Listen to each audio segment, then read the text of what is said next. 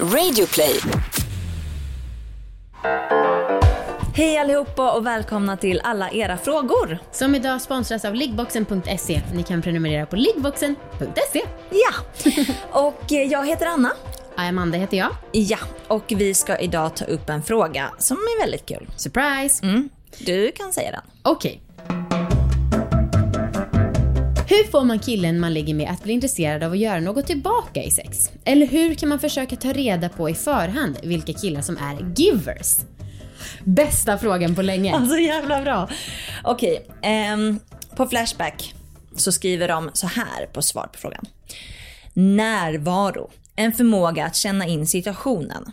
Det är hemskt svårdefinierat i övrigt. Jag har haft sex med väldigt tekniskt begåvade killar, men utan värmen och inlevelsen känslomässigt blir det bara tråkigt i längden.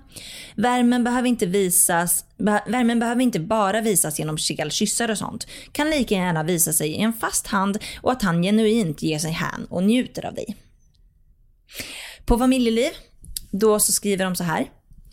Jag har fått bilden att folk som är egotrippade idioter i sängen ofta, eller alltid, har en tendens att vara det utanför också. Jag kanske har fel? Frågetecken. Vårt svar. Inget fel. Jag tror också att det är så. Om man är ego i livet så är man väl det i sängen också. Ja, ja men faktiskt. Alltså jag tänkte lite tillbaka till mina engångsligg och eh, har väl lite känt att det har funnits en gemensam nämnare i folk som har varit ganska aggressiva i flörtandet och väldigt så spelat en väldigt självsäker roll. Eh, att de ofta inte har gett något. Ja. Vilka har gett något då? Ja men de som varit lite mer fina killar. Eller liksom. Ja. Nej, inte de som har liksom slagit sig själva på bröstet. De har inte gett något. Nej, när det gäller oralsex på mig i alla fall. För mängden killar vi har legat med, jag tycker verkligen att det är 50-50 de som säger så här: jag längtar tills jag får slicka dig. Eh, som faktiskt sen gör det också och verkligen verkar ha längtat. Ja. Och hälften av dem verkar totalt ignorera det. Bara snack. Ja, verkligen. En gång låg jag med någon som jag tror hade sagt så. Eh, och jag sa så här, ja ah, men du, skulle inte du slicka mig? Och då var han så här, men ja, det kommer. Alltså, och så kom det såklart inte. Ah. Eh, bara, bara snack. Men alltså det bara flimrar förbi i mitt huvud nu. Mängden sms man har fått från fulla killar som bara, gud längtar tills jag får slicka dig. Ah, Never happened. nej.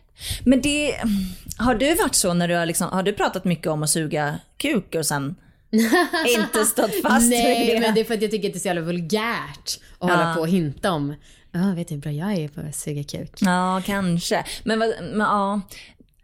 Jag vet inte, det är kanske också för att det förväntas lite mer att man ska Ja, suga. Ja, ja, så är det ju. Ja. Men jag har en kompis som brukar säga att hon kan se på folks ögon om de är fittslickare eller inte. Tydligen väldigt snälla, trånande, plisande ögon. De, oj, du blir kåt. Jag ger dig blickar Ah. för att du ska se om jag är en sån. eh, du är ju hetero och eh, upptagen. Ja. att, ehm, Men jag har ju Men- slickat en gång men ja, tydligen inte tillräckligt mycket för att det ska synas i blicken. Men sen måste jag också säga att jag kan tycka om man väl flörtar, även om det inte är så aggressivt som du sa, men sen någon liten smekning på ens hand, alltså någon liten pirrig hand på höften, alltså som då när man väl är i modet. Det tycker Just jag det. hintar om riktigt bra Ja. och generös Ja. man. ja, men jag, jag har ett litet tips till Eh, för hon frågar ju hur får man killar man ligger med och blir intresserad och ger den tillbaka. Och då har jag ett tips om att hitta ställningar slash tillfällen som passar. För att jag märker ganska stor skillnad på hur, hur intresserad Marcus är av oral, oralsex när jag sätter mig på honom, Aha. på hans ansikte. Då blir han som eld och lågor. Oj. Till skillnad, alltså jag tycker inte alls att han blir lika så exalterad Aha. när han går ner på mig. Fan vad intressant. Och jag tycker nog att det är samma sak. Jag gillar nog mest att suga av någon om den personen står upp. Än när den ligger ner.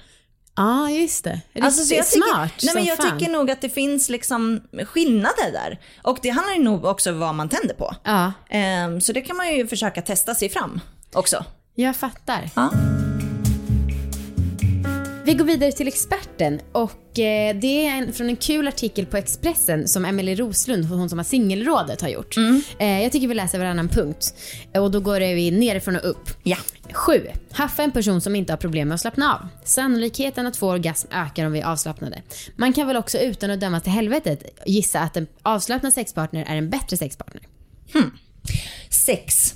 Det är bra på massera. Om du vill testa någons liggkompetens innan ni besöker sängen så kan du till, se till att personen masserar dig innan. Ifall det visar sig att ditt haff är bra på att massera din rygg är hen troligtvis bra på att även massera andra delar. 5. Hitta en person som är mätt. eh, forskning har i alla fall visat att vi blir sämre älskare när vi inte har ätit på länge. Det här har såklart att göra med låga blodsockernivåer, så om du kan förbättra förutsättningarna för ditt nästa ligg rekommenderar vi ett energirikt mellanmål. Punkt 4. En risktagande person är en bra person, liggmässigt alltså. Forskare har länge sagt att rädsla är något naturligt afrodisiak. Något som ska höja vår sexlust. Så akta dina fingrar nästa gång du är på väg att swipa bort en bergsklättrare på Tinder. 3. Bra älskare har tydligen en stor bokhylla. Den amerikanska filmregissören John Waters har en gång sagt om du kommer hem till en person och den inte har böcker, ligg inte med dem. Med det menar han att personer som gillar att sätta sig in i andras världar, berättelser och sammanhang utvecklas som människor. Med andra ord, en människa som är allmänbildad och nyfiken kan mycket väl vara en keeper i sängen. Hmm. Punkt 2. Hen älskar kaffeglass. Personer som föredrar kaffeglass framför andra smaker kan misstas för att vara psykopater. Men det är inte nödvändigtvis sant. Enligt, den, enligt The Smell and Taste Institute i Chicago.